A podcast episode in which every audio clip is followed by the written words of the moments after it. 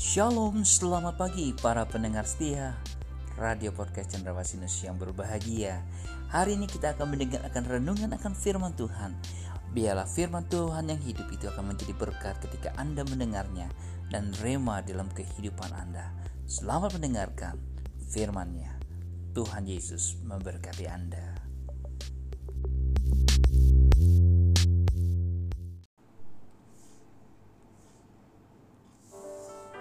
Hari ini kita mau bicara tentang doa Bapa kami ya.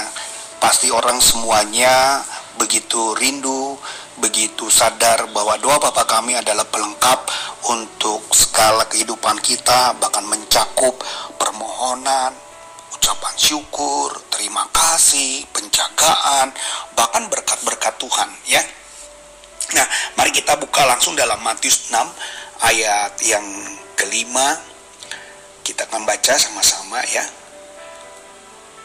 Matius pasal 6 ayat kelima dan apabila kamu berdoa janganlah berdoa seperti orang munafik mereka juga mengucapkan doanya dengan berdiri dalam rumah-rumah ibadat dan pada tikungan-tikungan jalan raya, supaya mereka dilihat orang.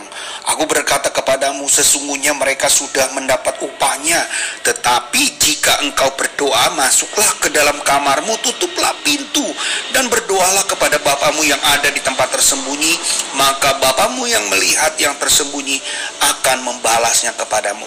Lagi pula dalam doamu itu janganlah kamu bertele-tele seperti kebiasaan orang yang tidak mengenal Allah.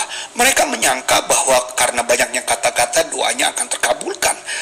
Janganlah kamu uh, seperti mereka, karena Bapamu mengetahui apa yang kamu perlukan sebelum kamu pinta kepadanya. Karena itu berdoalah demikian. Ayat yang ke-9. Bapa kami yang di sorga, dikuduskanlah namamu, datanglah kerajaanmu, jadilah kehendakmu di bumi seperti di sorga. Berikanlah kami pada hari ini makanan kami yang secukupnya, dan ampunilah kami akan kesalahan kami seperti kami juga mengampuni orang yang bersalah kepada kami. Ayat 13. Dan janganlah membawa kami ke dalam pencobaan, tapi lepaskanlah kami daripada yang jahat. Karena engkaulah empunya kerajaan dan kuasa dan kemuliaan sampai selama-lamanya. Ada sebuah kisah di mana seorang pengemis ini mengajari makna daripada doa Bapa kami, bukan Bapak Anda atau Bapak kamu. Tiba-tiba saja datang seorang pengemis, nampak kelaparan dan meminta makanan. Saya sampaikan baik-baik kepadanya agar dia lewat pintu belakang dan duduk santai sambil menunggu saya mengambilkan makanan yang memang sedikit masih ada tersisa. Sebelum dia memakannya, saya mengajaknya berdoa dulu Bapak kami. Ikuti saya berdoa ya Pak, Bapak kami yang ada di sorga. Lalu Bapak pengemis itu berkata, Bapamu yang di sorga. Bukan Pak, katakan Bapak kami yang di sorga. Lagi-lagi dia berkata, Bapamu yang ada di sorga. Saya mulai kesal dan bertanya dengan nada agak tinggi, kenapa selalu mengatakan Bapamu? Kamu dan kami itu berbeda, ikuti saya. Lalu dia menjawab lirih, maaf pak, jika saya mengatakan Bapak kami, maka kita bersaudara.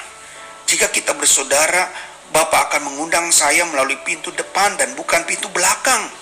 Lalu Bapak akan meminta saya untuk duduk bersama semeja makan dengan Bapak, tidak di lantai Bapak juga tak akan memberi saya makanan sisa.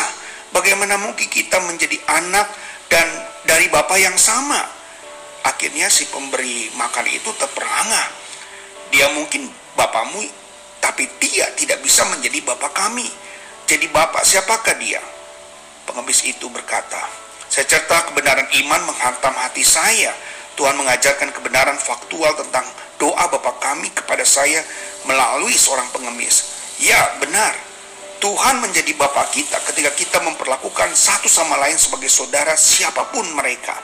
Nah, Bapak Ibu yang kasih dalam Tuhan kita percaya waktu kita mendengar suatu kisah ataupun cerita yang terjadi, kadang-kadang kita juga sebagai manusia diingatkan senantiasa bagaimana mungkin kalau kita memang mau menjadikan Bapak kita menjadi Bapak segala-galanya, Bapak yang penuh dengan perhatian, Bapak yang penuh dengan kasih, maka kita harus menunjukkan satu etika yang berbeda, menunjukkan satu cara yang berbeda, sehingga kemurahan dan kemuliaan Tuhan itu bukan sekedar hanya dilihat orang, tetapi dirasa oleh orang.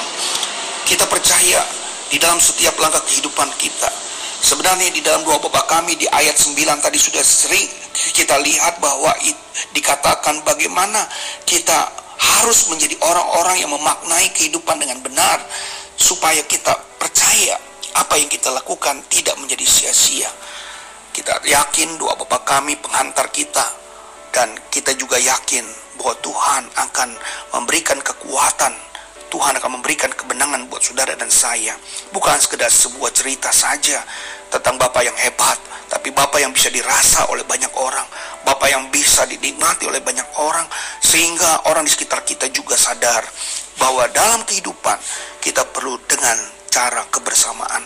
Kita perlu saling bersatu, kita perlu saling memahami, bahkan juga bergandengan tangan untuk menjadi orang-orang kepunyaan Bapa di surga. Saudara yang kasih dalam Tuhan, kita percaya renungan hari ini akan menguatkan kita semuanya, menyatakan apa yang kita lakukan bukan hanya sekedar, tetapi praktek kehidupan kita juga mulai terusik untuk kita berjalan, untuk kita melangkah, untuk kita bergerak, bukan hanya menjadi penonton saja. Pelaku-pelaku firman bukan hanya sekedar membaca, tapi pelaku-pelaku firman orang yang sanggup untuk melakukan walaupun berat tetap berusaha terus walaupun kalah ataupun sulit tetap berusaha terus biar kadang kita mendapatkan kesulitan tapi kita tidak pernah berhenti untuk tidak melakukan apa-apa tetap berjalan tetap bergerak supaya Injil kebesaran kemuliaan Allah tetap terjadi dan saudara diberkati saya juga diberkati Terpujilah bagi nama Tuhan. Haleluya. Shalom. Tuhan Yesus pasti memberkati kita semuanya. Haleluya.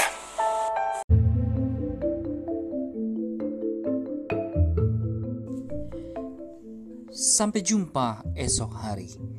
Kiranya damai sejahtera dari Allah Bapa, kecintaan kasih daripada Tuhan Yesus Kristus, dan persekutuan Roh Kudus menyertai kita mulai hari ini, esok, sampai Maranatha Tuhan Yesus datang kedua kalinya. Sampai jumpa. thank you